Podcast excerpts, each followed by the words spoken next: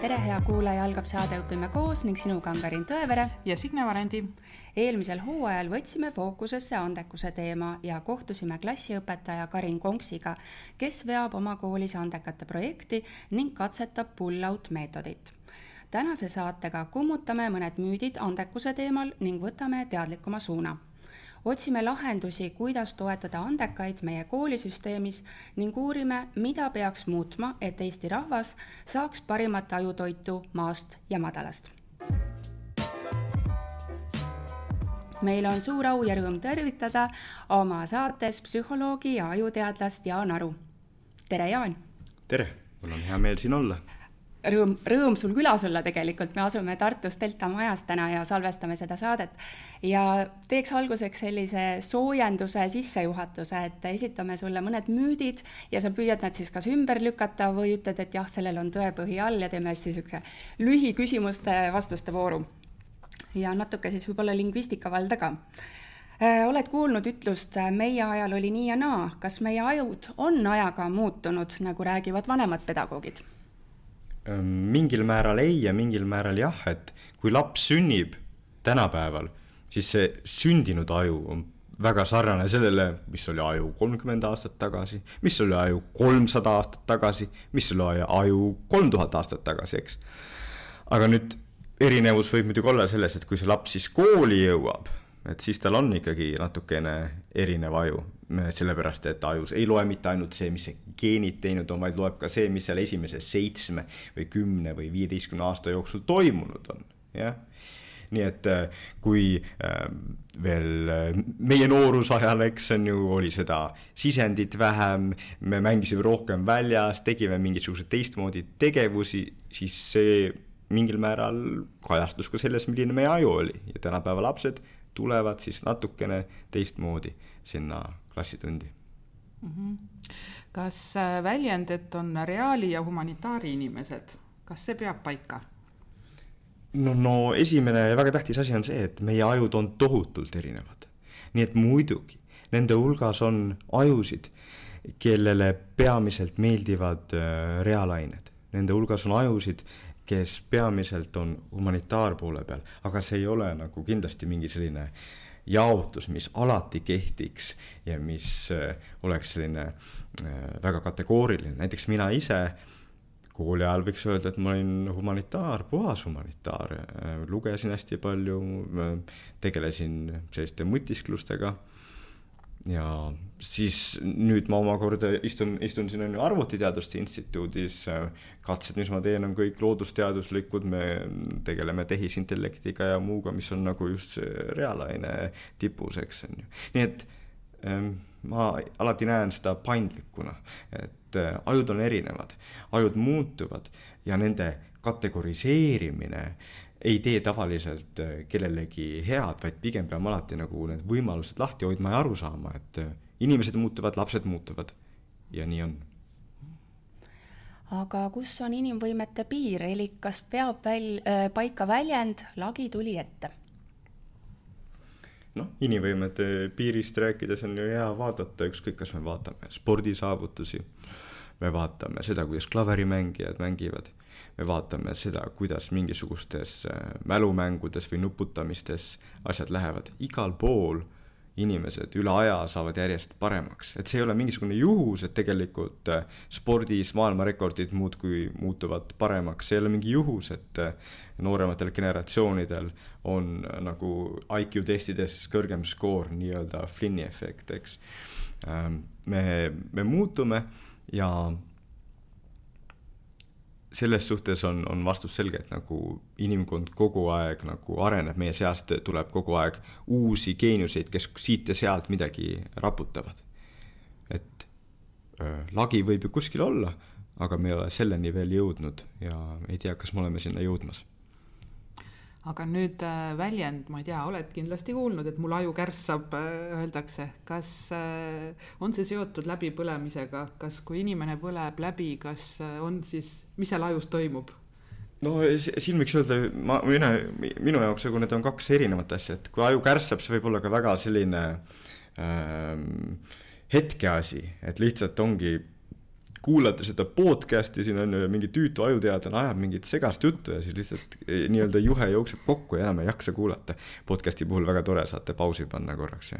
pausi teha, eks. aga, aga et see võib olla selline lühiajaline asi, mis tuleb sellest, et siis äh, me, meil lihtsalt see võime nagu tähelepanu pöörata nagu eh, järsult nagu kadus ära või vähenes, sellepärast et äh, tähelepanu on nagu ressurss, mida me kasutame ja kui me seda liiga palju kasutame, siis ta, siis ta väheneb. ja see läbipõlemine on siis nagu pikaajalisem protsess, kus me nagu ähm, oleme pikema aja jooksul mingeid äh, ülesandeid teinud, mis on rasked ja meie aju lihtsalt nagu vajaks ka pikemat väljalülitust. seega lühidalt, et see läbikärsamine võib olla see, et nagu, et noh, et ähm, mul on vaja lühikest pausi mm -hmm. ja läbipõlemisel on vaja pikemat pausi mm. -hmm mis äh, arvab Jaan multitasking ust? kümme aastat tagasi imetleti inimesi, kes suutsid äh, vastata kõnedele, samal ajal pidada koosolekut ja allkirjastada dokumente. tänapäeval räägitakse, et jälle peab ajule puhkust andma, et kuidas sina vaatad multitasking'ule? ei no minu jaoks on selge, et noh, et see on nagu selline teaduslik küsimus, et kas me suudame multitask ida ja vastus on ei aga eh, me suudame multitask ida siis, kui on mingi tegevus, mida me väga hästi suudame. no näiteks, et me oleme väga head nagu ma ei teagi, kurgi viilutamises või klaverimängus, siis me suudame nagu kurki viilutada või klaverit mängida samal ajal, kui me vestlust peame. aga niipea, kui me oleme kehvad, siis me, noh, me ei suuda seda. nii et sellistes ülesannetes, kus siis, mis meil tegelikult kooli jaoks kesksed on, kus on vaja õppida ja siis võib-olla õpilane nagu samal ajal üritab nagu nutiseadmes midagi jälgida. sellises ülesandes me ei suuda multitask ida, me oleme seda ise korduvalt uurinud ja, ja katsetulemused näitavad alati sedasama, et eh, ehkki ma ju kuulen, mis see õpp seal räägib, siis kuulmisel ja kuulmisel on vahe. et ühes katses meil oli nii, et eh, katseisikud, koolilapsed kuulasid äh, nagu lugu, mis nad pidid, pidid nagu jälgima ja siis pidid vastama küsimustele. ja siis ühes tingimuses, selle loo kuulamise ajal nad noh, suhtlesid ka nutiseadme kaudu teise inimesega, mitte nad ei rääkinud, nad ei kuulanud nutiseadmest midagi visuaalselt jah, et nad kuulasid täpselt samamoodi, kõrvad olid küljes, sinna midagi ei olnud sisse topitud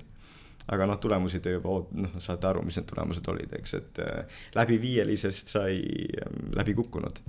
jah, et selles suhtes, et me ei suuda multitask ida kooli ähm, olukorras ja see peaks olema selline standardasi, mida nagu kõik teavad ja, ja, ja keegi ei üritagi selle vastu vaielda.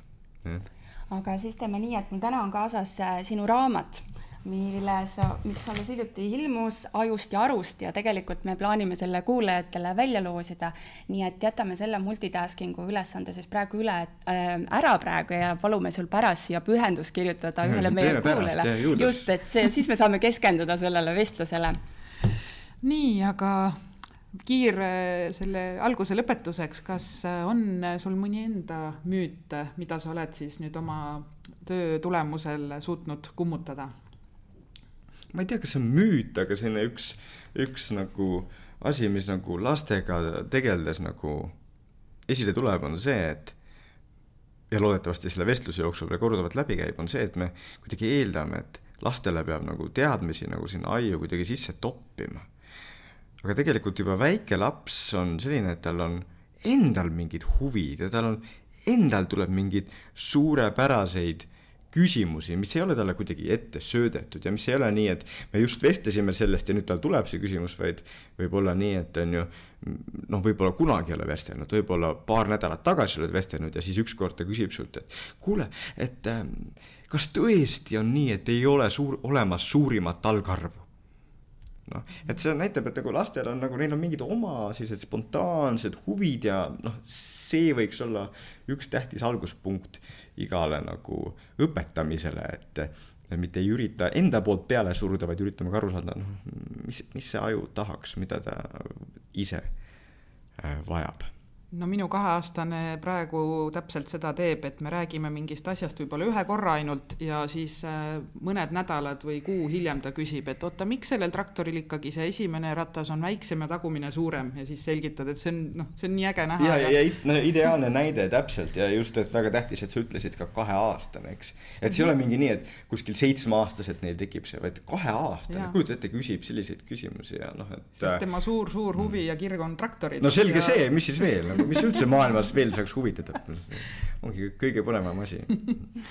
no nii, aga lähme siis edasi, et võtame sellise teaduslikuma suuna, et äh, sina oled ajuteadlane, et kuidas sina selgitad, et mis asi on siis andekus, et ja kas sa peale vaadates, noh, meie, meie Signega istume siin sinu vastas, et piisab sellest, et vaatad meile peale, ütled, et nii, kas tegemist on andekatega või mitte, või tuleks ikkagi see peakoor lahti muukida, natuke sisse vaadata või peaks natuke kauem ühes ruumis viibima ja siis ütelda, et nii, kas tegu on andeka, talendika, võimeka, on neil üldse vahet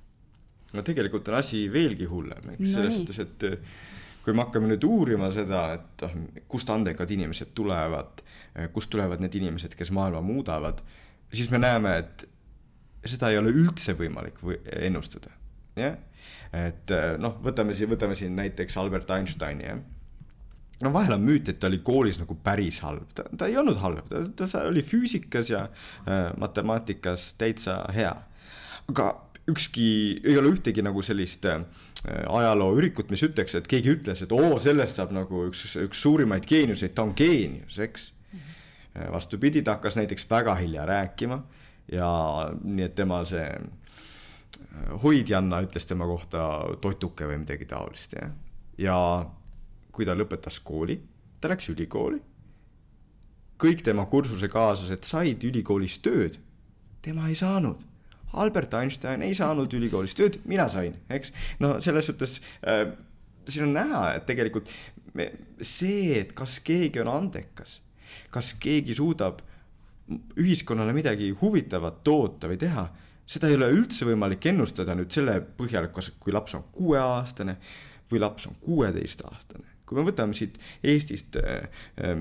neid äh, idufirmade juhte ja nii edasi, siis ei ole nii, et nüüd koolis neile, neil oli selge, et oh, te teete midagi ägedat. ei, vastupidi, nad võisid olla väga tüütud lapsed, mõned, ei viitsinud absoluutselt kuulata. ja vastupidi, on lapsi ja me kõik teame neid ka inimesi, kes olid läbiviielised, alati klassis parimad ja kes ei ole nagu oma eluga, noh, nad on tublid, teevad tööd tublisti, aga nad ei ole midagi nagu nüüd märkimisväärset saavutanud. nii et see lühike sõnum on see, et me ei saa andekust ennustada ja vastupidi, põhimõtteliselt igast lapsest, ka sellest tüütust lapsest võib tulla keegi, kes maailma muudab, seega üks minu põhiteese on see, et me peaksime õpetajatena igasse lapse suhtuma nii, et ta võib olla pärast, kahekümne aasta pärast keegi, kes maailma muudab ja me peaksimegi õpetajana võtma sellise suhtumise, et mitte oo, mina näen, et siin see, tegin seda testi ja räägin, nägin, et see on väga andekas laps ja see, see mahakandmisele. vaid et me peaksime ütlema, et me noh, et see, see on kõik pikem mäng, see ei ole mingisugune asi, mida siin ja praegu saab, saab nagu teada. see on väga tähtis minu jaoks ja noh, mitte ainult õpetajad, vaid lapsevanemad ja lapsed ise ka, et nad saavad aru, et see ei ole nii, et nüüd on andekad lapsed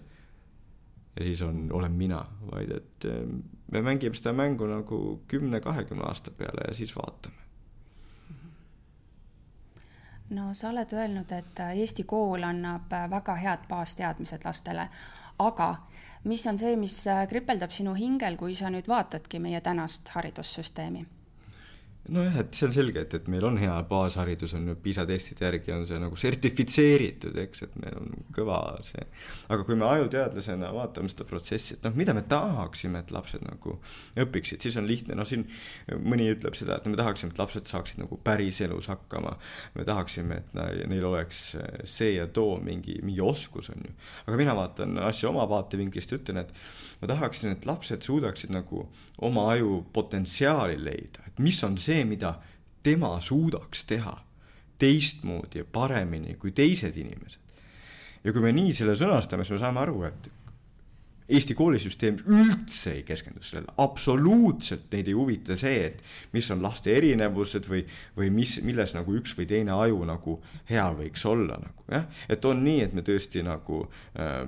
andekad lapsed saavad äh, olümpiaadidel käia ja teha asju, meil on mingisugused huviringid ja nii edasi, aga see ei ole selline üldine, läbiv arusaam, et lapsed on erinevad nende kõikide ajus on potentsiaal, me peaksime seda üritama lahti muukida ja kooli eesmärk võiks olla seda avada, eks.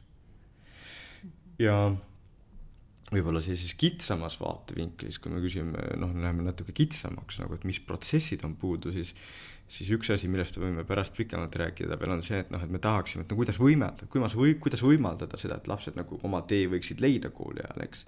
ja teine asi on see, et kui me vaatame nüüd tagasi sinna, et noh, et et äh, olen öelnud jah, et Eesti kool annab nagu väga hea baashariduse ja isegi täpsemalt, ta annab tegelikult väga head nagu teadmiste tükid.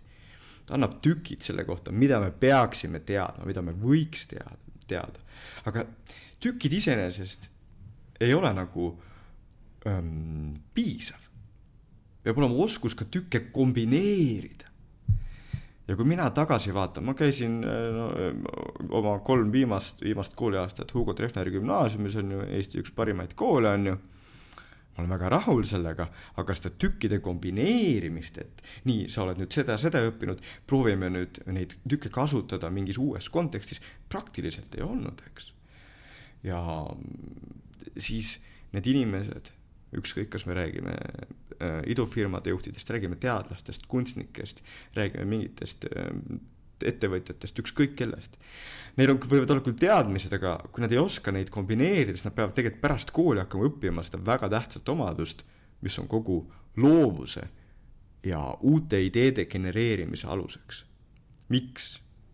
seda peaks juba koolis õpetama ma arvan, et nüüd on hea küsida üks kuulaja küsimus, et äh, Kati Orav tahaks teada, et aga kas meil on juba hariduses praegu midagi sellist olemas, mis on kasutamata ja, ja mis siis võib-olla aitaks neid hariduse kitsaskohti leevendada, just sedasama individuaalset lähenemist? Ja no te teate ju ka kõik, kuidas see siis tavaliselt käib, on ju, et kui tahetakse midagi muuta, siis arutatakse pikalt, nagu väga pikalt, aastaid tulevad kokku komisjonid, kirjutatakse aruandeid, kirjutatakse igasuguseid äh, äh, väga mahukaid projekte, pannakse selle peale kõvasti raha ja lõpuks ei tule eriti midagi sellest välja, eks ähm,. siis, siis niisiis mina vaatan seda nii, et äh, noh, selle küsimuse all vähemalt vastame ära need asjad, mis oleks nagu lihtsad asjad, mida iga õpetaja saaks teha.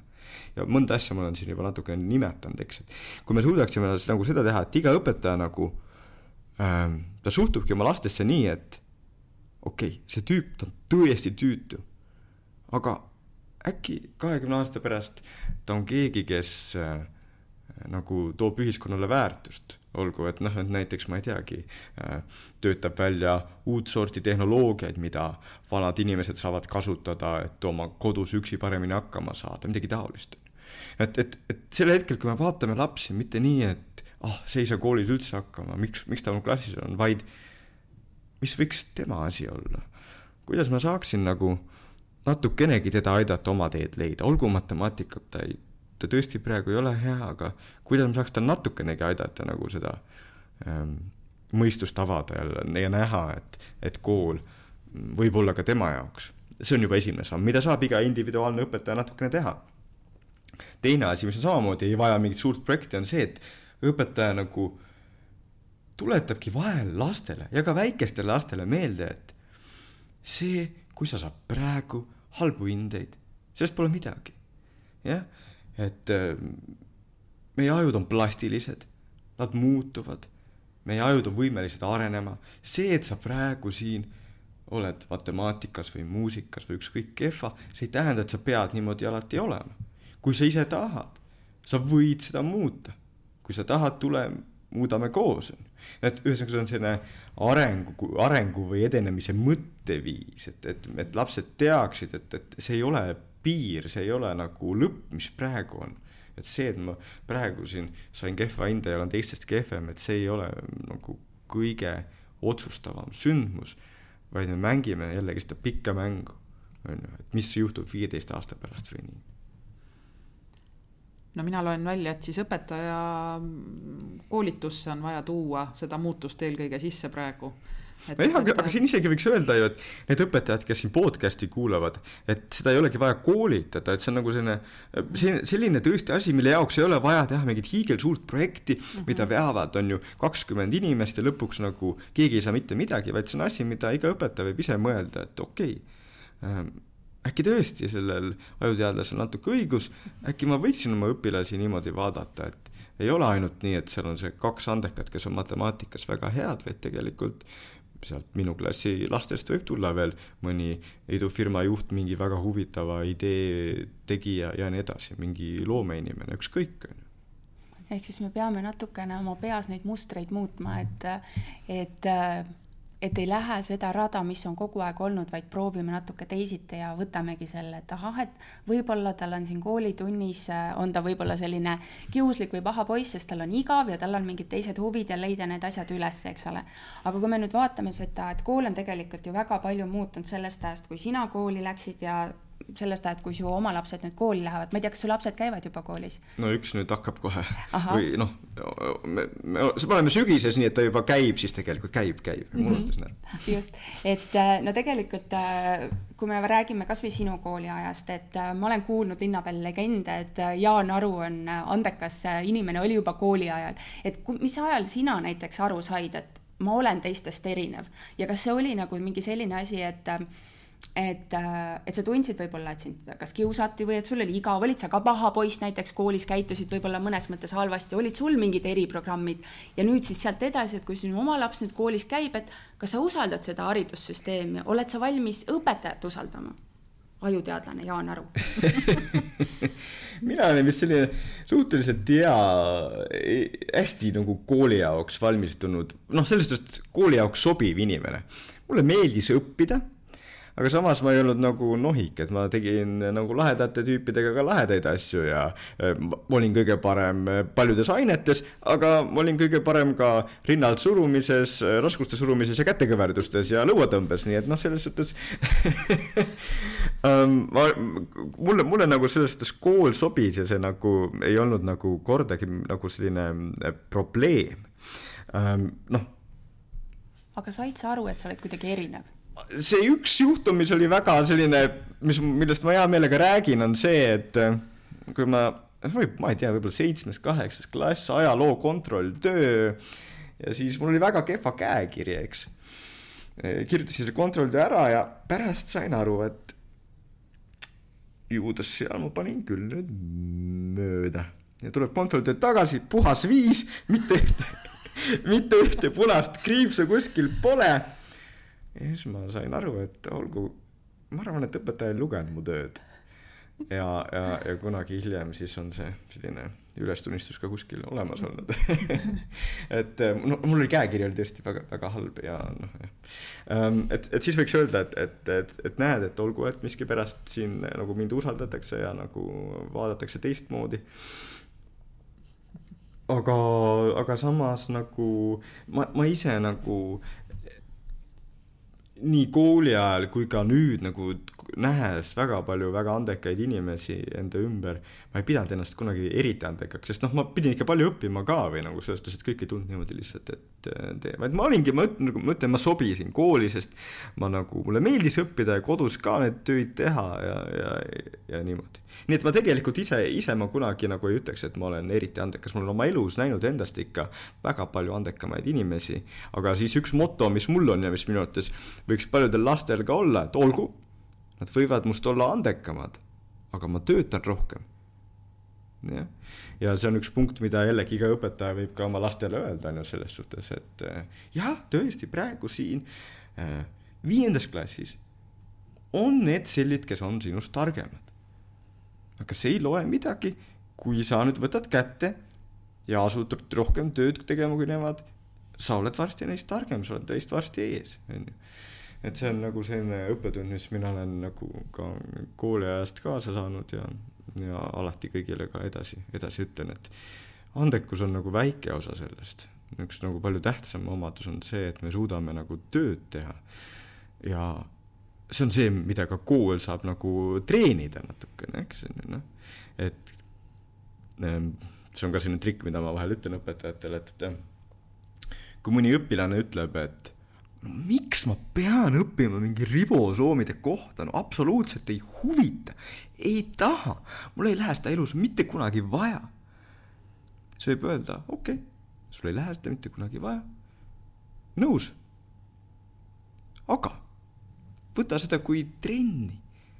kui väljakutset, kas sa suudad selleks kontrolltööks selle jura pähe õppida. ja no sama ükskõik ajaloo kontrolltööga või mingi sellise asjaga, et jah, vaata lihtsalt, kas sa suudad seda pähe õppida. ja, ja selline suht-, väike suhtumise muutumine äh, noh, kindlasti vähemalt osad lapsed nagu aitab kaasa tuua, kes saavadki aru, et et okei okay,, see on nagu väljakutse, et see ei ole mitte nüüd selles suhtes, kas ma tahan ajalugu õppida, vaid õps arvab, et ma ei suuda seda pähe õppida, on ju, või noh, et ma, oota, äkki ma suudangi. Aga äkki see siis lähebki, see teadmine läheb koos selle tööga siis kuskile, et noh, see teadmine ei talletu, et, et kas see on nagu no jaa, aga kui ta, kui tal on suhtumine, et miks ma seda ribosoomi üldse õpin miks ma seda ajalugu üldse õpin, on ju, ja teeb selle töö nagu kolme peale, siis see ka ei tule mingit teadmist. Ühel juhul vähemalt tuli see, et ta nagu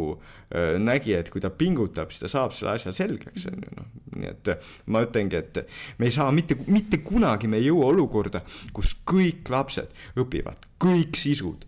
täielikult ära, mis me koolis õpetame, noh ma ütlen, mina olen olnud läbiviieline, lõpetanud Treffneri gümnaasiumi kuldmedaliga, on ju ma ei, mul on ka palju asju, mida ma kooliajast ei mäleta ja ei tea, eks see on mhm. normaalne. me peamegi sellega leppima, peame leppima sellega ja aru saama, et kool ei ole mitte ainult nagu nende sisude sissetampimine, vaid et me tahame anda ka selliseid üldisemaid oskuseid, teadmiseid. aga ma küsiks siis äh, niimoodi selle andekuse kohta, et ütleme, meil on klassis äh, andekas laps, et kas teda peaks äh, hoidma seal klassis ja õpetama teistega koos või peaks teda kuidagi eraldi koolitama, õpetama, peaks äh, need andekad kokku üldse korjama ja neile tegema mingi eraldi programmi, et kuidas nende andekatega siis ikkagi toimetada? sina olid selline paindlik ja plastiline mees, aga kõik ei ole sellised. jaa, noh, eh, see, siin on nagu mitmeid viise, kuidas sellest asjast mõelda. üks viis on see, et äh, nagu ma ütlesin, kõik lapsed on mingil määral mingites asjades äh, andekad, eks.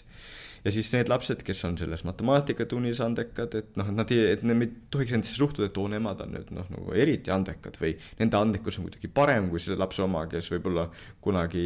hakkab, ma ei tea, mingit uut tehnoloogiat arendama või, või, või kirjutab mingeid fantastilisi sümfooniaid, eks nii et me ei tohiks nagu liigselt seda nagu eri, e, edasi, e, esile tõsta, aga, aga neid asju saab teha ka vaikselt, on ju, et noh, me saame ju sealsamas tunnis saab sellele õpilasele anda lisaülesannete lehe ja ähm, saab seda, talle ka võib ka öelda, et sul tuleb see asi nagu tõesti hästi välja, et sa võiksid nagu äh, mõelda, et kas sa kodus tegelikult teed ka veel neid ülesandeid või et kui sul igav on ja noh, et midagi sellist mainida äh,. et äh, andekate nagu täitsa nagu eraldi kokkupanemine, noh, ma, ma esma, esma, esmamulje on, et, et see ei ole nagu kõige parem nagu selle lahendus, sest see jätab juba muue, muule klassile mulje, et okei okay,, kes meie siis oleme, me ei ole andekad. ja teiseks nagu tavaliselt, kui andekaid nagu palju kokku panna, siis ei pruugi sellest nagu midagi nagu nii head ka tulla nagu selles suhtes, et jah et see selline, kui lähme nüüd sellise teadusajalukku, siis on sellised suured instituudid, kuhu, kuhu tulevad nagu kokku kõige targemad inimesed, näiteks siis on see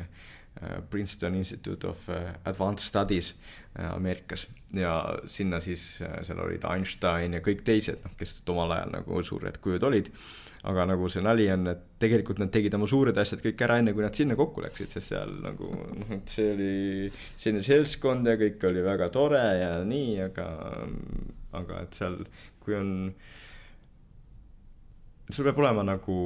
keskkond, mis, mis ei tee sulle kõike ette ja ei, ei nagu ei, ei võimalda kõike sellepärast, et sa oled lihtsalt mingi andekas, eks nii et ikkagi mitmekesisus rikastab ja toetab ka andekaid. aga noh, me peame nagu mõtlema, et kuidas me seda ka teeme, on ju selles suhtes jah, et noh, me ei taha nii, et, et, et see on see matemaatikatund, kus ühel on kõik kogu aeg lahendatud ja teised on seal alles selle esimese ülesande juures, vaid et noh, kuidas me siis seda äh, nii-öelda selles matemaatikas andekat nagu kaasas hoiame ja kuidas me nagu ähm, teiste noh, äkki saab seda andekat kasutada teinekord äh, selleks, et mõnda asja selgitada teistele ja nii edasi, noh, et need ei ole lihtsad küsimused, kõik, kes kuulavad, teavad seda ka, on ju. ja selle jaoks ei ole ka mingeid lihtsaid äh, lahendusi. aga minu suhtumine, nagu on see korduvalt läbi kõlanud, on see, et noh, et me ei peaks seda andekust kuidagi esile tõstma, sest see, kes on matemaatikas näiteks andekas, ta noh, ta võib olla tegelikult kahekümne aasta pärast vähem andekas kui see tüüp, kes seal ähm, on matemaatikas ja eesti keeles ja ajaloos ja nii läbi kolmeline, eks jah, ma olen äh, nüüd sotsiaalmeedias äh, ka selliseid lugusid äh, näinud või, või lugenud siis, kus kooli ajal andekad õpilased jagavad, et nende minapilt seostubki andekaks olemisega ja nagu sa mainisidki, et siin paarikümne aasta pärast võib-olla on ju hoopis teistmoodi see olukord ja ja siis eneseväärtus ka on langenud seetõttu, et noh, ma ju järsku enam nüüd ei ole andekas, ma ei ole enam midagi väärt, et et äh, võib-olla tõesti jah, see andekuse selline rõhutamine ja väljatoomine. ei no see on seda... probleem, noh, mina mõtlen, ma olin, olin äh, kooli ajal igal pool nagu esimene, on ju mm. -hmm ja siis ma läksin äh, Berliini õppima saksa keelt, noh, oskasin, aga mitte nagu väga hästi, siis oli juba, ossal nuga mm, ei saagi nagu kõiki nagu kõiki asju nagu siin maksimumi peale tehtud alguses. aga siis ma leidsin enda jaoks nagu aju ja hakkasin lugema ja sain varsti aru, et noh, et kõik kursakaaslased, kui neil mingi küsimus aju kohta on, tuleb minu, minu, minu juurde mm -hmm.. okei okay,, et no näed, siin tasemel sain, sain kenasti hakkama. siis läksin doktorantuuri nagu ühte juhtivasse nagu teadusinstituuti Saksamaal. ja siis ma alguses olin nii okei okay. et nüüd ma tunnen ennast tõesti halvasti.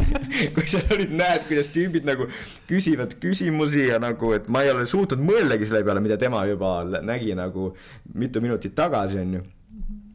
Ja see on, see on tõesti selline raske moment, kus sa noh, et sa nagu saad aru, et okei okay,, et äh, ma oleks võinud selleks nagu paremini valmis olla, et ma tegelikult ei olegi nagu äh, nii nutikas, aga noh, nagu ma enne juba läbi kõlas, tegelikult on see hästi positiivne. sest sel hetkel, kui sa no ongi kaks võimalust, noh, ilmselt rohkem, aga noh, selline, ütleme, toome kaks esile, üks on see, et sa nagu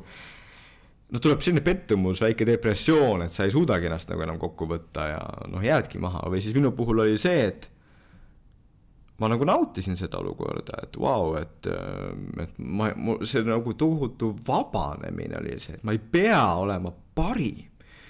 see oli selline noh, lihtsalt rahu, on ju, et ma ei pea olema parim ma teen rahulikult oma asja, seda, mis mind huvitab. ja no ja siis doktorantuuri lõpuks needsamad tüübid tulid mult küsimusi küsima, nii et see oli väga tähtis ja väga vabastav, vabastav asi, mis on mind nagu elu noh, edaspidi ka aidanud, et äh, ükskõik kellega ma räägin, ükskõik kus ma vestlen. noh, mul ei ole seda vajadust, et ma pean kõige targem olema laua taga, ma pean seda näitama, et mina tean neid asju, ei noh nii et siin võib-olla tulebki siis kooli ajal oluline töökus ja õpirõõm, et kui siis ka tulevikus tulevad sellised tagasilöögid, et sa endiselt tahad edasi õppida ja sul on see töökus ja see harjumus seal. töökus, harjumus, aga et sul on ka oma teema, et nagu mm., et see noh, et see ongi, mis on ka läbi kumanud siit on, et sa tead, et mis asi nagu sulle meeldib, et okei okay,, et ma ei olegi kõiges kõige parem, noh, mis on just selle koolihariduse mm. probleem on, et sul on see noh, kuldmedal on nendele, kes kõikides ainetes on viielised, on ju. aga tegelikult me tahame, ei taha seda ju, me tahame, et, et inimene nagu mingil alal läheks nii kaugele kus mitte keegi teine inimene varem pole käinud, on ju. Need on need inimesed, keda me lõpuks hindame, kes meie ühiskonda edasi viivad, mitte ainult muidugi, aga noh, suures osas on ju noh, et kui mõtleme ükskõik Arvo Pärdist või mõnest olümpiavõitjast või startup'i tegijast, noh. see, miks me neid hindame, on see, et nad on leidnud oma asja, nad on läinud selles nii kaugele,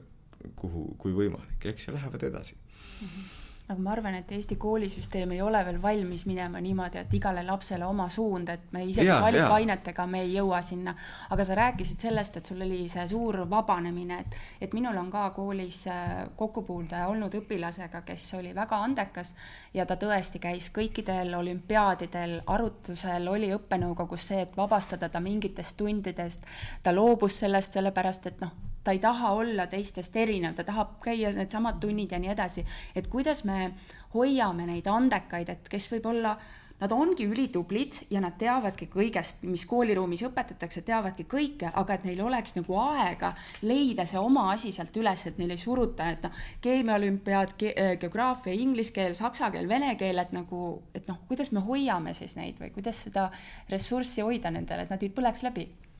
no ja siin ongi nagu ähm, no see küsimus on mitmetahuline, eks on ju. et äh, üks asi on nagu, mida iga õpetaja saab teha, on see, et ta nagu ise nagu hoolib sellest inimesest, ka sellest andekast inimesest. et ta tõstatabki selle punkti, kas siis direktorile või õppealajuhatajale, teistele õpetajatele, et kuule, me ei saa teda saata nagu kõikidele olümpiaadidele noh, põhimõtteliselt inimesed teevad seda, aga see ei ole tegelikult inimlik, kelle laps ise ei oska öelda, et, et ei, ma ei taha kõikidel olümpiaadile minna, ta ikka ütleb õpetajale jah, on ju. aga tegelikult see ei ole hea ja me ei peaks seda tegema. et vali, valime võib-olla sealt kaks välja, mida ta teeb, on ju et selline asi on, mida saab väga lihtsalt teha nagu äh, ilma jälle, ilma mingite suurte projektideta ja niimoodi et see teine asi, mida me tahaksime, on see, et nagu suures plaanis me tahaksime, et nagu ähm, iga laps, mitte ainult need andekad lapsed, aga iga laps nagu kooli ajal juba oleks see küsimus, et äh, mis võiks olla sinu tee, mida, mida, mida sinu aju suudab? Äh,, mida sa tahaksid teha? Ja nii edasi, mitte ainult see, et, et noh, et mida meie paneme sisse, mis olümpiaadid on ja nii edasi. Ähm,. ja, ja kui me nüüd selles küsimuses keskendume andekatele lastele ähm,, siis üks asi, mida, mida saab nagu teha selle lapsega, kes käib viiel olümpiaadil, ongi, et me, et istub üks õpetaja näiteks temaga nagu rahulikult, lihtsalt rahulikult arutab selle üle,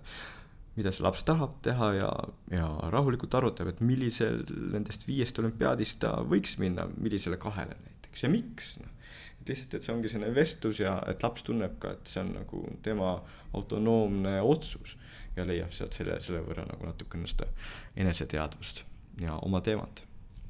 Aga kui vanalt on lapsed valmis otsustama, et nii-öelda, et see ongi minu tee, et kui me räägime siin Euroopa erinevatest haridussüsteemides, et noh, Saksamaal võtavad laps, lapsevanemad selle otsuse vastu, et kas see on see humanitaar või, või reaalsuund, kas me peaks lasteaias võtma, et kui laps ütleb, et ma tahan saada tuletõrjujaks või loomaarstiks, et juba sealt pealt hakkama nüüd neid huvisid suunama või ikkagi pakkuma võimalikult palju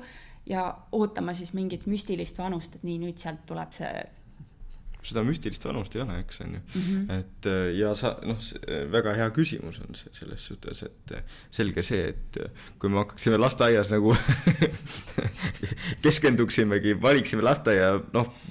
kuskil enne viimast klassi selle ära, siis olekski meil ühiskonnas ainult tuletõrjujad, dinosauruste uurijad ja Youtuberid võib-olla ka tänapäeval juba ja mõned Youtuberid, nojah, selles suhtes, et jah, et et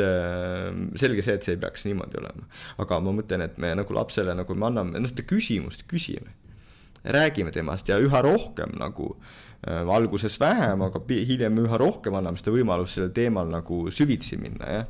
Ja see võib olla, et see vahetub, aga et ongi nii, et mitte nii, et me esimeses klassis on ju, anname talle ühe teema ja teised paneme kinni, vaid seda ühte teemat võib noh, niimoodi süvendada, et on ju, et saab lisaülesanded natukene midagi teises klassis korraks võib-olla mingil vestlusel on, et no mis sa kujutad ette, noh, selge see, et teise klassi õpilane väga hästi seda ei tea, aga põhimõtteliselt võib-olla juba mõni laps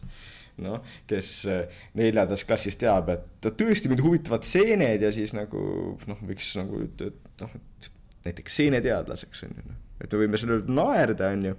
aga põhimõtteliselt see on, see on võimalik, noh, et laps, et mõni laps teab juba nii vara. aga me ei tohiks nagu äh, Äh,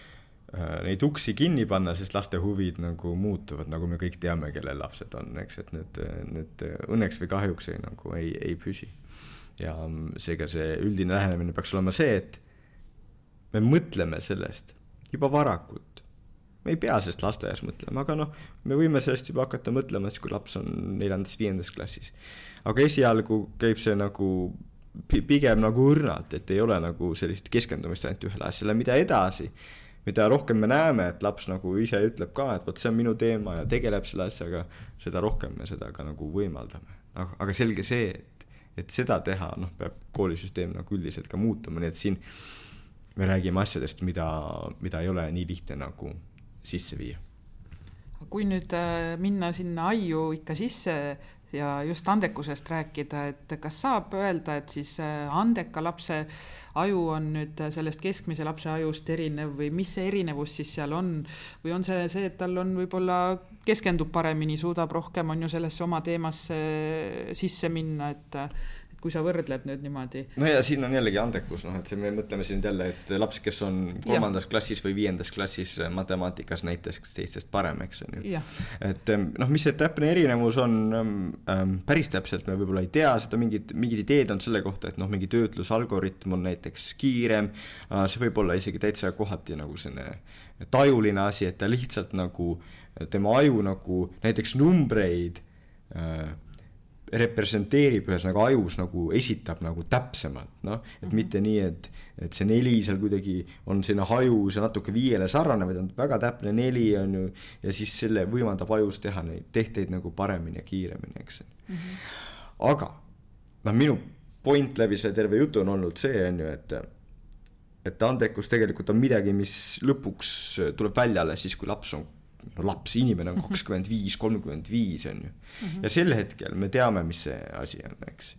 ja see asi on see, et andekas on see inimene, kes on mingil alal kogunud palju teadmisi,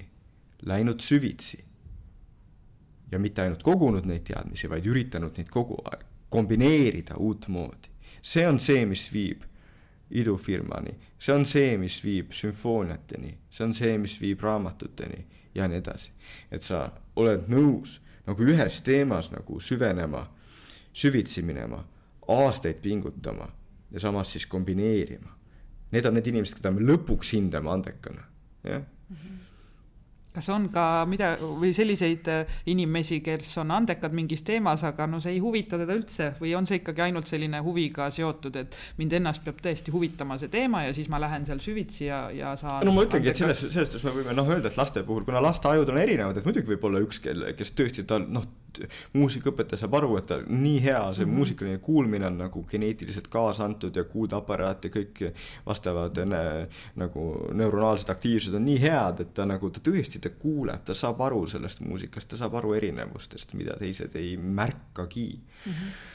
Ähm, aga kui see laps nagu noh, seda ei arenda, teda ei huvita, noh siis mingit vahet ei ole, noh ta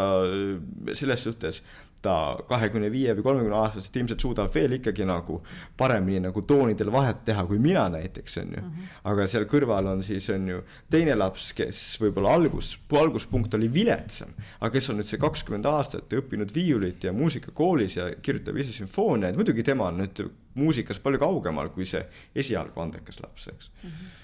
nii et kui see andekus ei saa toetatud, siis äh, sisuliselt ei juhtu midagi, et noh, natuke ja, ta jääb võib-olla paremaks, aga. just, et ikkagi lõpuks see andekus, mis loeb, siis kui inimene on nagu kakskümmend viis, kolmkümmend viis, nelikümmend viis, on see, mis on nagu, mida on palju toidetud mm. -hmm. mitte ainult õpetajate poolt, vaid selle inimese enda poolt, et see on nagu selline protsess, aktiivne protsess, kus ta ehitab seda midagi. ta üritab kuskile suunas minna, üritab nagu midagi uut luua ma vahepeal küsin ühe kuulaja küsimuse jälle, et Triinu Eglit küsib, et mida peaksid õpetajad tänapäevases koolis eelkõige muutma, et õppimine oleks jätkusuutlik ja edukas. kui mina sind kuulasin, siis ma sain aru, et see on see seostamisoskus ja loovus, sain ma õigesti aru, et mida sa, mida sa nagu muudaksid või on veel midagi? no minu jaoks väga tähtis on see, et mis ma rõhutasingi enne, et on, et üks asi on see väga lihtne asi, mille jaoks ei ole vaja mingeid projekte ja äh, kellegi Haridus-Teadusministeeriumi otsuseid ja nii edasi ja rahastust, on see, et õpetaja ise juba võtab sellise suhtumise, et ei ole nii, et on ainult, et andekad lapsed on ainult need, kes seal matemaatikas või ükskõik mis aines hästi, hästi hakkama saavad, vaid potentsiaalselt kõik lapsed on andekad milleski. ja minu kui õpetaja selline põnev mäng on see, et natuke aru saada, milles need lapsed võiksid andekad olla, et see suhtumise muutus on minu jaoks nagu noh, lihtsalt ma rõhutan seda, et selge see, et see ei ole nüüd võib-olla kõige, kõige nagu äh, põhjapanevam asi. aga veel kord, see on asi, mida me saame põhimõtteliselt tänasest teha ilma mingite otsusteta. ja teine asi, mis ma sinna kõrvale ütlesin, oli see, et me nagu õpilastele ka rõhutame seda, et, et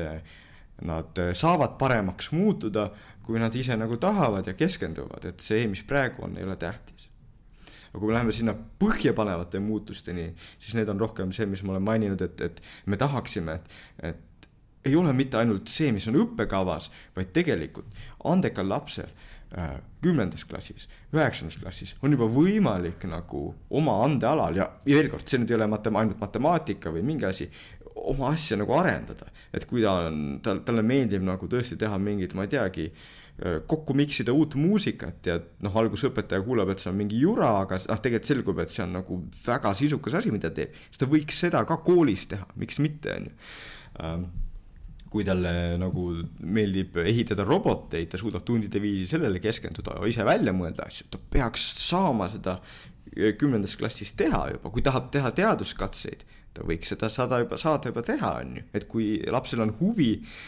siis ta võiks seda juba kümnendas klassis saada arendada. see on asi, mis oleks nagu kõige fundamentaalsem, aga selge ähm,, seda on väga raske nagu niisama lihtsalt nagu läbi viia noh, aga kui äh, Jaan Aru nüüd muudaks äh, koolisüsteemi, et teeksid oma lapsele nii-öelda unistuste kooli, et milline oleks siis sinu esimese klassi õpilase selline, et sa südamerahuga ütleksid, et vot see on hea kool, see on hea koolisüsteem, see toetab meie pereväärtusi ja nii edasi no esimeses klassis ilmselt tihtipeale ikkagi see on veel võrdlemisi selline mänguline ja nagu, et on selliseid palju selliseid äh, loovamaid tunde, noh, ma ei ole ammu esimeses klassis käinud mm. -hmm. ma loodan, et nüüd mul äh, õnnestub seda siin-seal ka pealt näha, et kuidas esimeses klassis asjad käivad, aga, aga just, et ähm, me ei tahaks esimeses klassis mitte hakata minema nagu järjest tõsisemaks või noh, tahaksime, aga selles suhtes me ei tahaks selle kõrvalt ära kaotada seda mängu, jah, mis meil on nagu ähm, sellega, et me kombineerime e-, e-, erinevaid teadmiste tükke ja üritame nagu ise ka uut luua, mitte ainult nagu tarbida ja endale sisse imeda seda, mida kool äh, pakub ja mida õpetaja pakub. Et see oleks võib-olla selline, selline üks asi, mis, mis minu jaoks oleks tähtis esimeses klassis. Ja, ja, ja vaikselt noh minu jaoks oleks tähtis, et niipea kui laps nagu leiab mingi asja, mis, mis teda huvitab, et tal oleks võimalik seda ka nagu koolis teha ja, ja, ja võib-olla me võt-, et, et, et, et võtaksime vabamalt selle kogu õppekava suhtes ja nii, et me oleksime paindlikumad ja nagu lapsest sõltuvad Ja... kas esimese, ma vabandust segan, et kas esimese klassi laps on siis äh, valmis selleks, et ähm, ma uurin näiteks äh, kilpkonna iseseisvalt, mitte see, et ma õpin kogu loomariigi imetajad ära, et no, kui te... palju kaaluvad ja mida söövad ja nii edasi. Te, te olete ju ise ka õpetajad, nii et eks no, te, eks te teate ise ka, teame, jaa, et, aga... et on ikka noh, et lapsed on erinevad ja selge see, et kõik lapsed ei ole selleks võimelised. aga selge on ka see, et osad lapsed on võimelised tegema osasid asju täiesti iseseisvalt, täiesti enda motivatsioonist ja nad teevad hämmastavaid asju, eks. ükskõik, kas see on siis roboti ehitamine, mingisuguse hämmastava kunstiteose loomine äh,, mingisuguse muusikaasja tegemine, noh, mingid, mingite asjade väljamõtlemine, on ju. et lapsed teevad seda ja praeguse koolisüsteemi probleem on see, et äh, me nagu kuidagi seda ei soodusta, et kui lapsel on juba tegelikult nagu väiksest peale mingisugune asi ja ta oskab nagu ise keskenduda ja oma asjale keskenduda, siis seda oma asja me nagu ju koolis nagu kuidagi ei, noh, ei võimalda tal teha mm. -hmm. pigem on see, et sa kogu aeg, sa pead saama selleks, kes nagu kogu aeg väga hästi nagu kuulab väga hästi, võtab sisse, mida õpetajad annavad ja seetõttu ma veel kord mõtlesin, et mina olin väga sobiv laps ja no mulle no,, mulle meeldis, mul ei olnud probleemi, aga ma arvan, et mu poeg võib-olla ei ole nii sobiv laps selle, sellise meetodi jaoks. Et ühesõnaga õpetajatena peaks andma rohkem valikuid ja sa ütlesid, et see mängulisus on oluline, et äh, kas sa oleks näiteks, kui sa vaatad nüüd enda kooliaega tagasi, et et kas sa oleks äh, tahtnud näiteks neid valikuid, et sul ongi otsustada, et kas ma teen mingi uurimustöö viiendas-kuuendas klassis või sooritan edukalt äh, kontrolltöid? just, noh, et see täiesti nagu, see oleks oleks täiesti mõistlik asi olnud ja, ja, ja ma ei saa aru, miks seda ei võiks olla nagu sellised asjad, et õpilastel on mingisugused valikud, need on mingisuguste piiride sees, aga nagu, et natukene laps saab proovima, proovida rohkem, et kas ta on rohkem nagu inimene, kes nagu õpib pähe endale asjad väga hästi kontrollitööks või ta on see, kes tahab rohkem nagu oma asja seal kõrval arendada, et mõnes aines nagu neid asju saab tegelikult ju väga hästi teha, noh et võtame kas või ajaloo on ju, et sa võid pähe õppida kõik faktid ja nii, aga sa võid ka kirjutada mingi essee sellest, et mis oleks juhtunud, kui punkt, punkt, punkt on ju see või teine ajalootegelane ei oleks sündinud, see või teine ajaloosündmus oleks ära jäänud ja nii edasi, noh et et ehm, ka see on nagu, et ta suudab mõelda ja ise nagu kombineerida, see on tähtis ja teiseks, see võib tekitada selles lapses rohkem huvi nagu ajaloo vastu, kui see asjade pähe tuupimine ja pähe õppimine, eks on ju me oleme erinevad ja mõnel meist on vaja seda, et me saaksime nagu ise teha, ise luua, oma vastuseid pakkuda. Aga me oleme siuksed kontrollifriigid, eriti õpetajad ja me oleme harjunud maast madalast on tehtud neid kontrolltöid ja asju, kas me peame neid lapsi nii hirmsasti kontrollima või, või nagu su ajalooõpetaja, et kirjutame lihtsalt hästi tehtud ja ja lugemata, et mida teha nende tööde ja asjadega? no pigem nagu selles suhtes, et tagasiside on väga tähtis asi, jah, et kui me rääkisime siin enne, et on ju, et äh, olümpiaaladel on inimesed teevad kogu aeg maailmarekordeid, klaverimängijad muutuvad paremaks, balletitantsijad suudavad teha trikke, mida äh, nelikümmend aastat tagasi suutsid teha ainult nagu väga üksikud balletitantsijad, see tuleb sellest, et see treening on parem mitte nüüd, et sa lihasid treenid paremini, vaid õpetaja oskab paremini öelda, vaata, kui sa klaverit mängid, sa peaksid oma näppe niimoodi liigutama. kui sa seda kettaheidet teed, sa peaksid sellise liigutuse juba algusest kätte saama. kui sa seda balletti teed, siis noh, et juba algusest peale meil on harjutused, kuidas nagu väiksed lapsed seda saaksid paremini teha, eks. nii et tagasiside on tähtis ja see, kui laps saab lihtsalt hinde või ta saab ka, väga hästi tehtud ähm,, noh, see, see ei ole piisav, me tahaksime, et kui ta saab nelja miinuse, et siis ta saab ka nagu mitte ainult punasega aru, mis ta valesti tegi, vaid ka kuidagi aru, mida ta võiks teistmoodi teha, et mis, noh, kuidas mm. -hmm. no et see, kui tal see äh, teksti ülesandel on vale vastus, ta, sa, sa näeb okei okay,, punane. no oota, aga mida ta oleks pidanud teistmoodi tegema? nii et kui me räägime siis tagasisidest, siis me tahame, et see oleks pigem täpsem ja kuna see on õpetajatel täiesti võimatu anda nüüd kolmekümne kuuele lapsele täpset tagasisidet, siis pigem võiks olla see, et nagu see noh, et ongi nagu, et äh, kõik õpilased sooritavad selle töö näiteks, aga siis õpetaja ta ei loegi kõigi omasid, vaid pisteliselt loeb sealt, ma ei tea, kümne õpilase töid ja neid annab siis nagu põhjalikumalt seda äh, tagasisidet ja üritab näidata nagu, et vaata, siin oleks võinud nii teha ja siin oleks võinud nii teha ja noh, et sest et see on see, et kui me õpime tagasisidest meil on seda vaja, aga hinded on tagasiside nagu selline väga vilets aseaine. no aga koolis äh, jah, kõik see, mis sa praegu rääkinud oled, see on selline ju äh, soov ja, ja unistus, kuhu poole tegelikult ma usun, et kõik õpetajad südames ikkagi nagu püüdlevad. küll aga jah, jääb praegu koolis see kontroll sinna nagu, me ei saa sellest kuidagi lahti, õpetajad armastavad kontrollida ja just see nagu. ei no mälu... päris, päris lahti ei peagi saama sellest nagu mõtlen, noh, selles suhtes me, muidu me ei saa ju tagasisidestada, kui me ei tea, mis ta valesti teeb, noh, et kontroll ja. peab olema. ei, seda ja, et kont-, mingi kontroll, aga et jah, mitte nii palju, et nii nagu ju vanasti kogu aeg kurti, et kõige suurem äh, ajaressurss läks tööde töövõimede parandamisele ja sellele, et noh, neid töid oli nii palju, et nagu sa ütlesid, et tee, võta nagu väike punt ja, ja tagasisidesta need, aga tee seda põhjalikult ja hästi. aga, aga see, et, et võib-olla see põhimahv läheb ka sinna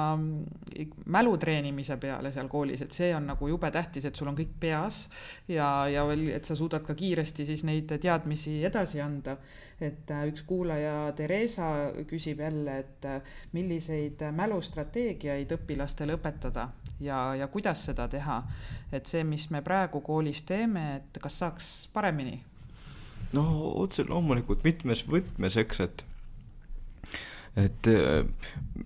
kõige selline baasasi, mida me tegelikult koolis ei õpeta, vähemalt mulle kuskil kunagi õpetatud, on see, et õpilastele öeldakse, et vaata meelde jääb see, millele sa tähelepanu pöörad, eks on ju. ja noh, standard on ikka see, tähendab, te parandage mind, kui ei ole, aga noh, et ma arvan, et õpetaja nagu võtab nii õpetaja, noh, ta on tark inimene, aga tal on see kohustus see õppekava läbida, on ju, ja siis mis sest, et ta näeb, et terve see klass on jumala väsinud ja nii, ta ikka teeb oma selle asja ära, on ju, sellepärast et nii on see kohustus, on ju. aga tegelikult me tahame, et õpetajad teaksid ja õpilased teaksid, et sel hetkel, kui laps on, väsinud nad ei pööra tähelepanu asjale, noh siis see on täiesti mõttetu, see on maha visatud aeg, see mitte midagi ei jää sellest meelde, eks see on, see on lihtsalt mõttetu. me tahame, et õpilased ka seda teaksid, et noh, et muidugi seal tunnis võib tunduda tüütu õppida, aga kui sa tunnis pöörad tähelepanu, on ju, siis sa saad kodutööd kiiremini tehtud ja sa, kontrolltööks pead vähem õppima, et me tahame seda öelda sellise niimoodi äh, nagu strateegiana õpilasele selgitada, on ju, et see ei ole mitte nii, et ma tahan su tähelepanu sellepärast, et ma olen väga tähtis siin klassis, ma olen õpetaja, vaid ma tahan su tähelepanu sellepärast, et see on sulle kasulik. jah -hmm. me tahame seda nagu õpilasele äh, edastada ja see noh, et see selleks, et üldse asi mällu saaks, peab talle tähelepanu pöörama, on ju. see on nii, et see on nagu selline kõige tähtsam mälustrateegia teine asi, mida nüüd kõik õpetajad teavad ja ükski õpilane kunagi ei kuula, on see muidugi, et noh, et äh, õppida ei tuleks nagu viimasel öösel enne kontrolltööd, sest siis ei jää asjad meelde, on ju, noh, et seda on nagu see mäluteadus nagu põhjalikult näidanud mitme aastakümne vältel juba, et äh, asjad jäävad paremini meelde, kui sa õpid neid niimoodi, et sa õpid üks päev, siis sa õpid paari päeva pärast natukene ja nii edasi, et see on see viis, kuidas nagu asju selgeks saada, mitte nii, et sa õpid kõik üheskoos mm. -hmm. jah, ja ma ei teagi, kuidas seda, kuidas seda siin saada, et õpilased nagu noh, ega näiteks õpetajat ei kuula ja noh, meie ajud on kõikidel laisad, aga noh, põhimõtteliselt äh, äh seda saab ähm, noh võib-olla on mingid nipid, noh, ma praegu siin vilksas mul, vilksas mul pähe on ju, et sa võiksid teha nii, et sa on ju selle äh, kontrolltöö nagu ütled ühel ajal, aga tegelikult, et paar päeva hiljem, noh, et ta, ta peaks kaks korda õppima. ma ei tea, kas see töötab, see oli lihtsalt selline, selline, selline mm, mõte siia vahele. no mina ise mõtlen. mul tuli selline mõte, et mm. äkki peaks kordamisküsimused andma nagu aasta alguses eh, nagu kätte ja ütlema, et nii, selle peale tuleb meil töö. et mm. nagu, et võib-olla siis tuleb, et ma tean, koolis oli kunagi üks õpetaja, kes ütles, et jälle järeltöö ja siis äh, mõtlesin, et aga miks sa kordamisküsimusi ei anna, et noh, lastel on ju lihtsam ja sealt kordamisküsimustest valid nagu kiiksuga ühendad mingid kaks küsimust aga siis nad ju teavad kõiki vastuseid jälle, oh my god. see ongi see oh. no mina mõtlen ise, et ongi, et see, kas see kontrolltöö on nagu kõige õigem viis kontrollimaks siis neid teadmisi. aga see on kõige ki lihtsam ja kiirem. et,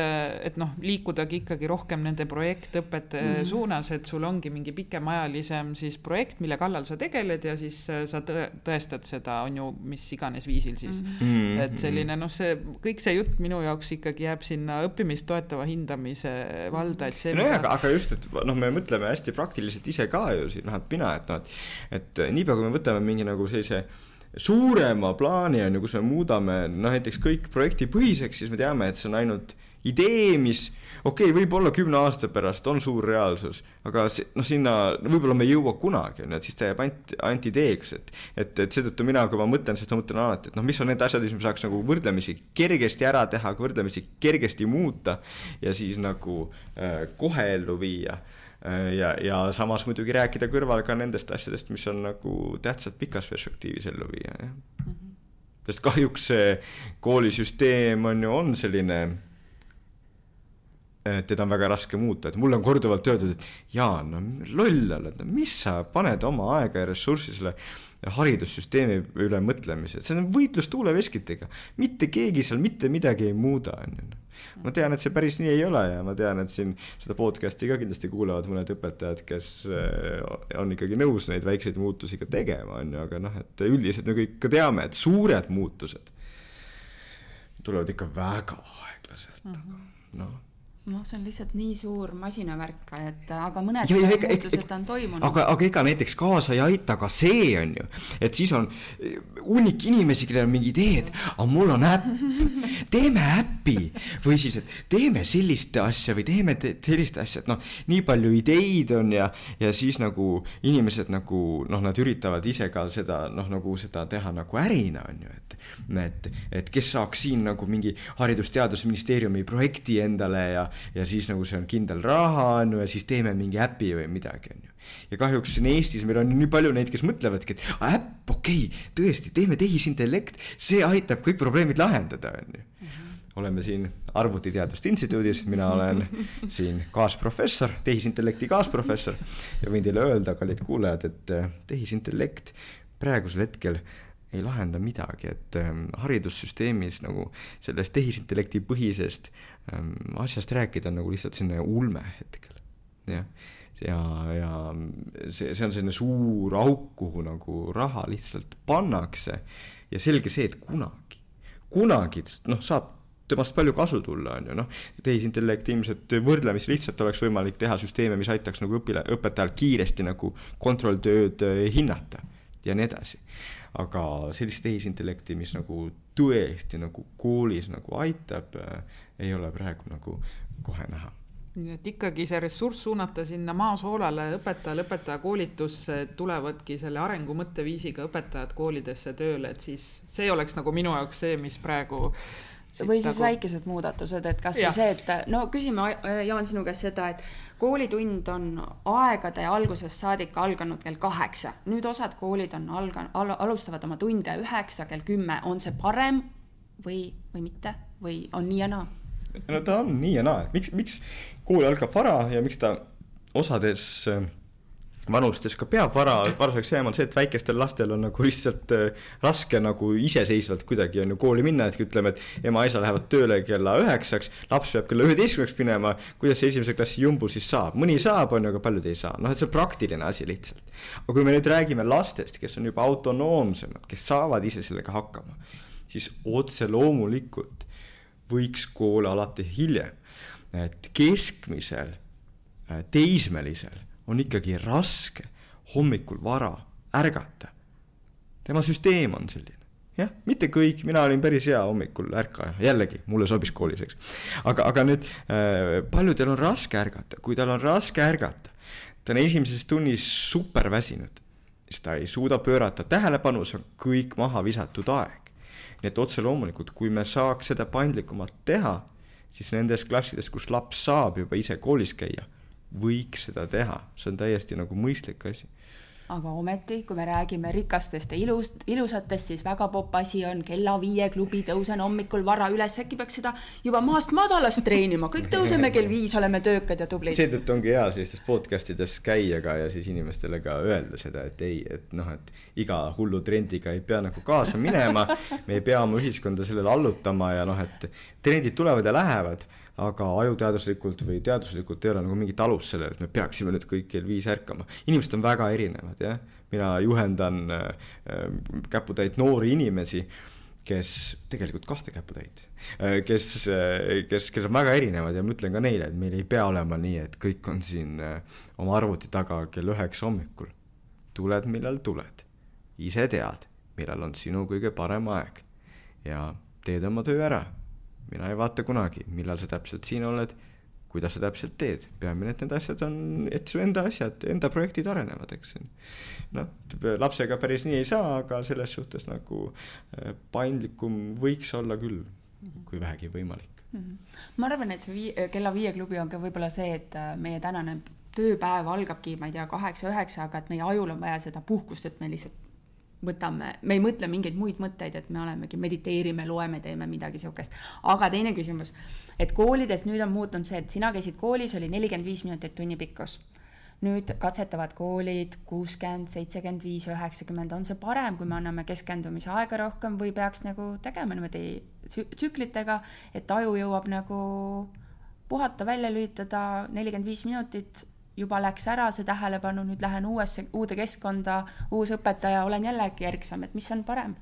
no ideaalis see võiks olla ka nagu selline nagu täitsa nagu kuidagi testitud ja uuritud, et noh, siit äh, Neid asju ei ole väga palju uuritud, aga, aga võiks ju pakkuda nii näiteks, et noh, hommikune esimene tund võiks olla lühem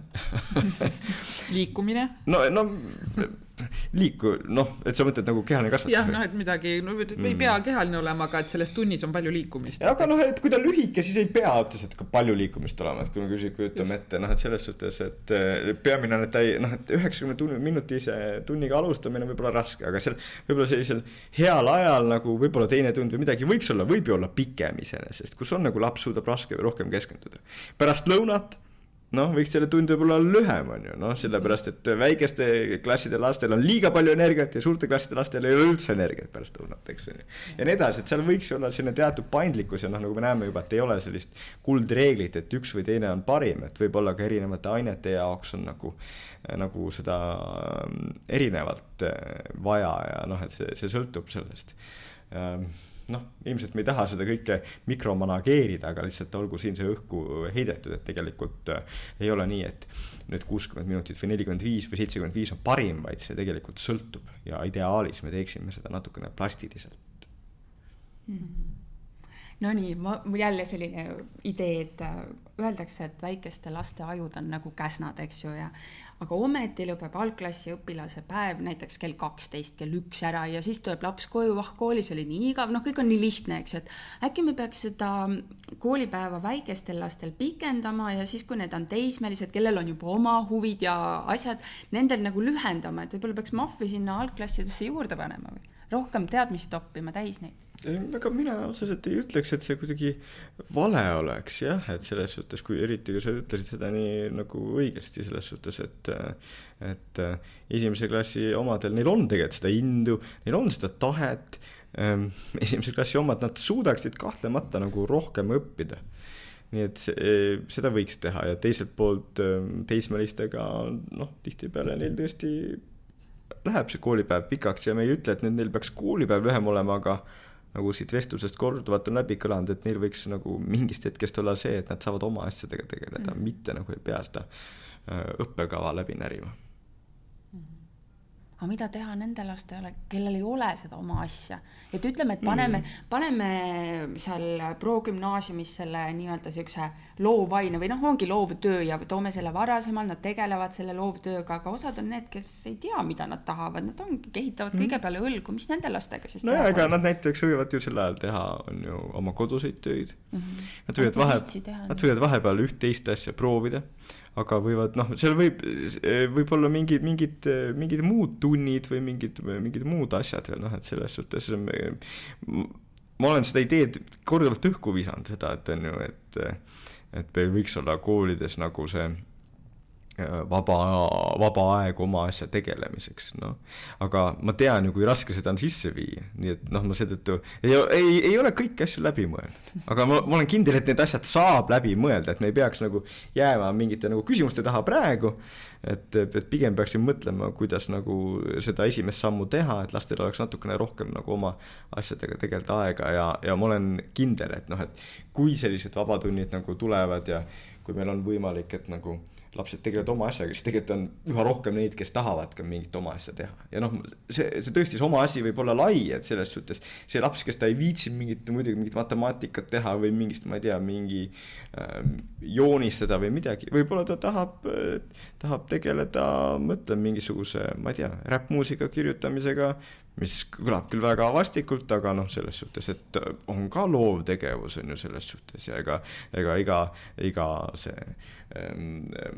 räpilaul ei pea olema ropp ja nii edasi, noh, ma ütlen, et, et lihtsalt, et tuua see näide, et ta võib tegeleda äh, rõivaste disainimisega või millegagi, millega iganes, no me peamegi seda nagu aru saama, et meie kool on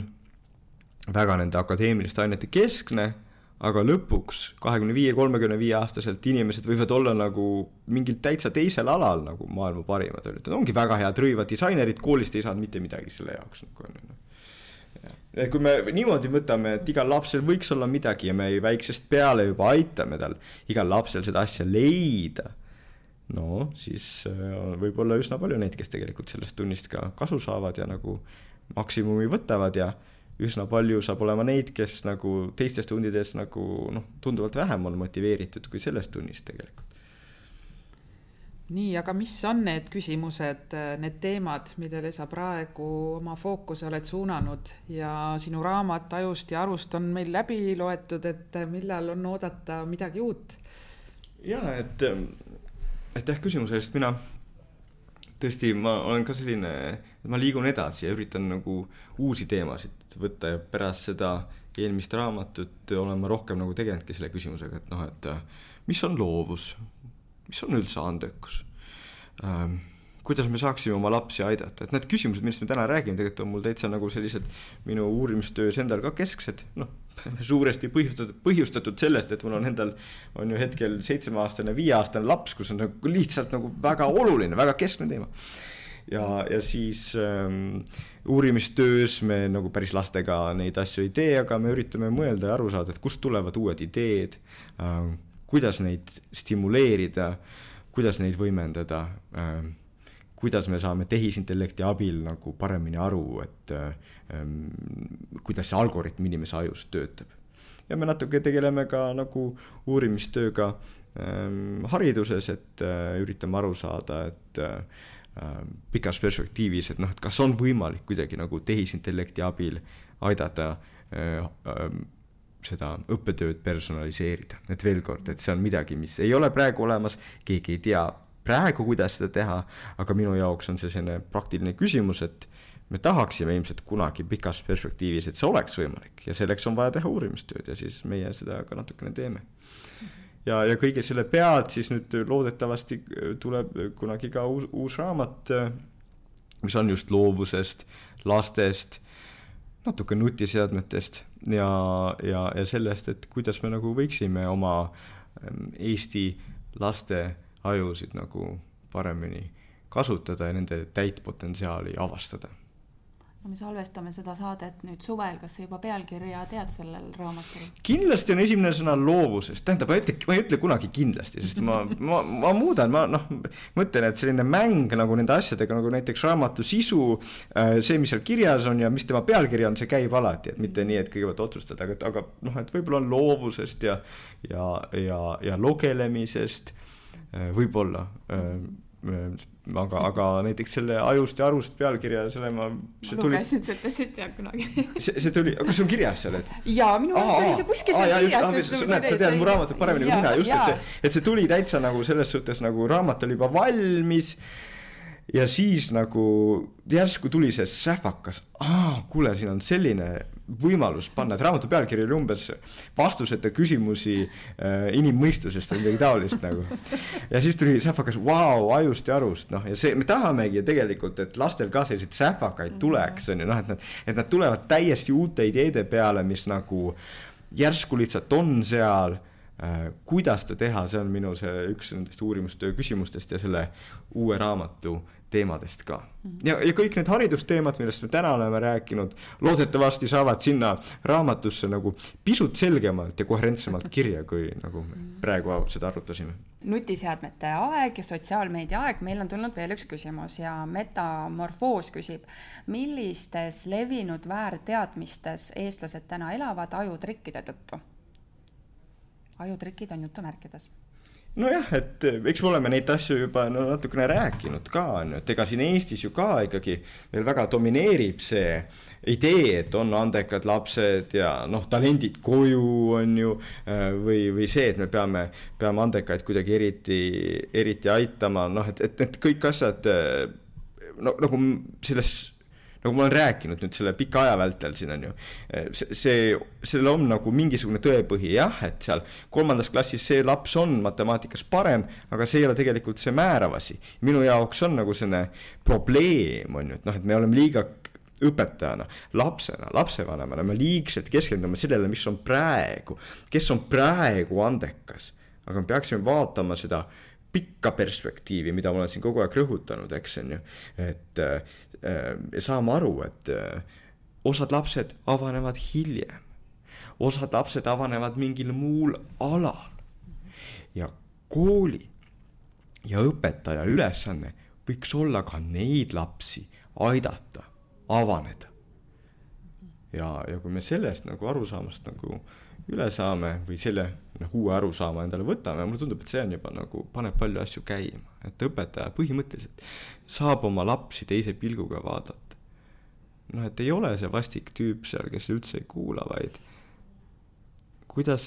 kuidas ma saaks teda aidata? Et see on ikka kõik ju elukestev, mitte et ma ei valmista last ju eluks ette nii-öelda, et kui ta koolist läheb, et nüüd ta on valmis produkt ja mine, sinu elu algab nüüd. ei, vastupidi, noh, et vastupidi, nagu me oleme korduvalt siin ja. nagu rääkinud ka on ju, et tihtipeale nagu inimeste elu justkui algab alles siis mm. -hmm. et koolis nagu ei õpetatud midagi olulist no päris see on muidugi nagu liiale minek, aga, aga siiski. ja ma ütlen veel, noh, kui tuues enda näite, ma olin läbi viieline kuldmedalist, sobisin kooli hästi. Aga siiski, kui ma hakkasin tegema nagu sellist põnevat teadustööd, siis ma nägin, et mul on vaja uuesti avastada see, et nagu kuidas ideedega mängida, noh, et uued, uued ideed ei tule nii, et sul on lihtsalt koolis õpetatud, sest uued ideed definitsiooni kohaselt on uued. Neid ei ole võimalik nagu, nagu äh, vanast võtta, neid on võimalik vana põhjal nagu arendada. aga seda me koolis ei õpeta, kuidas seda teha, kuidas nagu uusi asju teha ja no. See on minu jaoks väga tähtis asi, mis, mis, mis me võiks proovida jah, me peaks seda proovima, aga ongi koolile võib-olla me paneme ka liiga suure rolli, et ka lapsevanematel on siin roll. otse loomulikult, äh, otse loomulikult, suke... selge see, et äh, kallid õpetajad, kes ka kuulavad, et äh, mina, mina ei ütle nüüd, et, et te teete oma tööd kuidagi halvasti või et te peaksite täiesti muutma seda, ei. ma üritangi rõhutada, et meil on mingid väiksed asjad, mis me saame teha,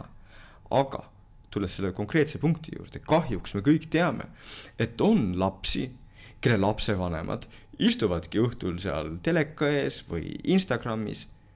aga kelle lapsed iseenesest, nad võiksid midagi saavutada mm., nad võiksid kuskile jõuda. ja midagi pole teha, ma saan aru, et õpetajatel ei ole aed, aega, ei ole ressurssi. aga ma tean, et on ka neid õpetajaid, kes siis võtavad selle aja ja tegelevad nende lastega, kellega tegelikult lapsevanem võiks tegeleda. ja mina olen väga tänulik kõigile õpetajatele, kes nagu sellist asja teevad ja saavad aru, et lapsed on erinevad, aga nende kõikide sees nagu võib olla midagi. või siis ütleme nii, et kui nende kõikide sees ei ole midagi, siis vähemalt me ei tea, kelle sees on, kelle sees ei ole ja meil peaks olema selline natuke avastamis- ja otsimisrõõm aga kui nüüd on õpetajates selline avastamis- ja otsimisrõõm ja nad tahavad näha kõikides oma klassi õpilastes seda, seda potentsiaali, et nad lähevad ja on sellised võimekad äh, oma elu jooksul äh, igas, igal alal, et mida õpetajad võiksid äh, lugeda, dokfilme, mida vaadata, podcast'e, mida kuulata, et mis sa soovitad, sa oled teadusmaailmas läbi lapanud kõik jaa, aga noh, aga kahjuks ongi nii, et nagu kõik õpetajad väga hästi teavadki, et võib olla raamat, mis on nagu teaduslikult hästi kirjutatud, aga õpetajal pole sellega nagu eriti midagi peale hakata uh, -huh. jah nii et äh, ma, ma, ma nagu väga palju selliseid soovitusi ei annagi, et ma kujutan ette, et siin podcast'i jooksul, erinevate episoodide jooksul neid soovitusi olnud äh, küll ja veel. et äh, ma arvan, et selle asemel tõesti, et, et nagu mingit võib-olla neid ähm, raamatuid lugeda või, või filme vaadata, võib see õpetaja ka võtta selle, et ta nagu jalutab korra või iga kord, kui ta selle asemel, et on ju seda filmi vaadata ja mõtleb ise rahulikult ühe või teise lapse peale, äh, mõtleb selle peale, et äh, kuidas nagu võiks neid ajusid avada, mõtleb selle peale, et äh, mis seal ajus sees üldse toimub, jah. ma arvan, et see on suurepärane soovitus. jaa aga aitäh sulle, Jaan, ja meil on sulle ajutoitu ka äh,. Kreeka pähkel meenutab kõige rohkem äh, aju. nii see on, suur tänu. et äh, täname sind, et sa meid vastu võtsid siin Delta majas ja ma ei tea, äkki siia lõppu võiks veel öelda, et mis on siis parim ajutoit no, toiduga on ka nii, et, et eks igaühele natukene oma, eks. parim ajutoit on ikkagi selline toit, mis on tervislik mitmekesine. Ja vahepeal võib lubada natuke šokolaadi ka. Aga, aga minu poolt ka aitäh teile ja aitäh kõigile, kes meid kuulasid. Ja aitäh ähm, kõigile õpetajatele, kes nagu oma laste ajudest hoolivad, aitäh. aitäh sulle, Jaan, järgmise korrani. Kuulmiseni kui sinagi said koos meiega täna uusi mõtteid ja inspiratsiooni, siis anna taskuhäälingule hoogu juurde, likei, jaga ja kommenteeri meie postitusi sotsiaalmeediakanalites. kui soovid taskuhäälingut Õpime koos toetada, siis täname sind annetuse eest MTÜ Tartu Loomemaja arveldusarve kontole. kõik vajalikud lingid leiab saate kirjeldusest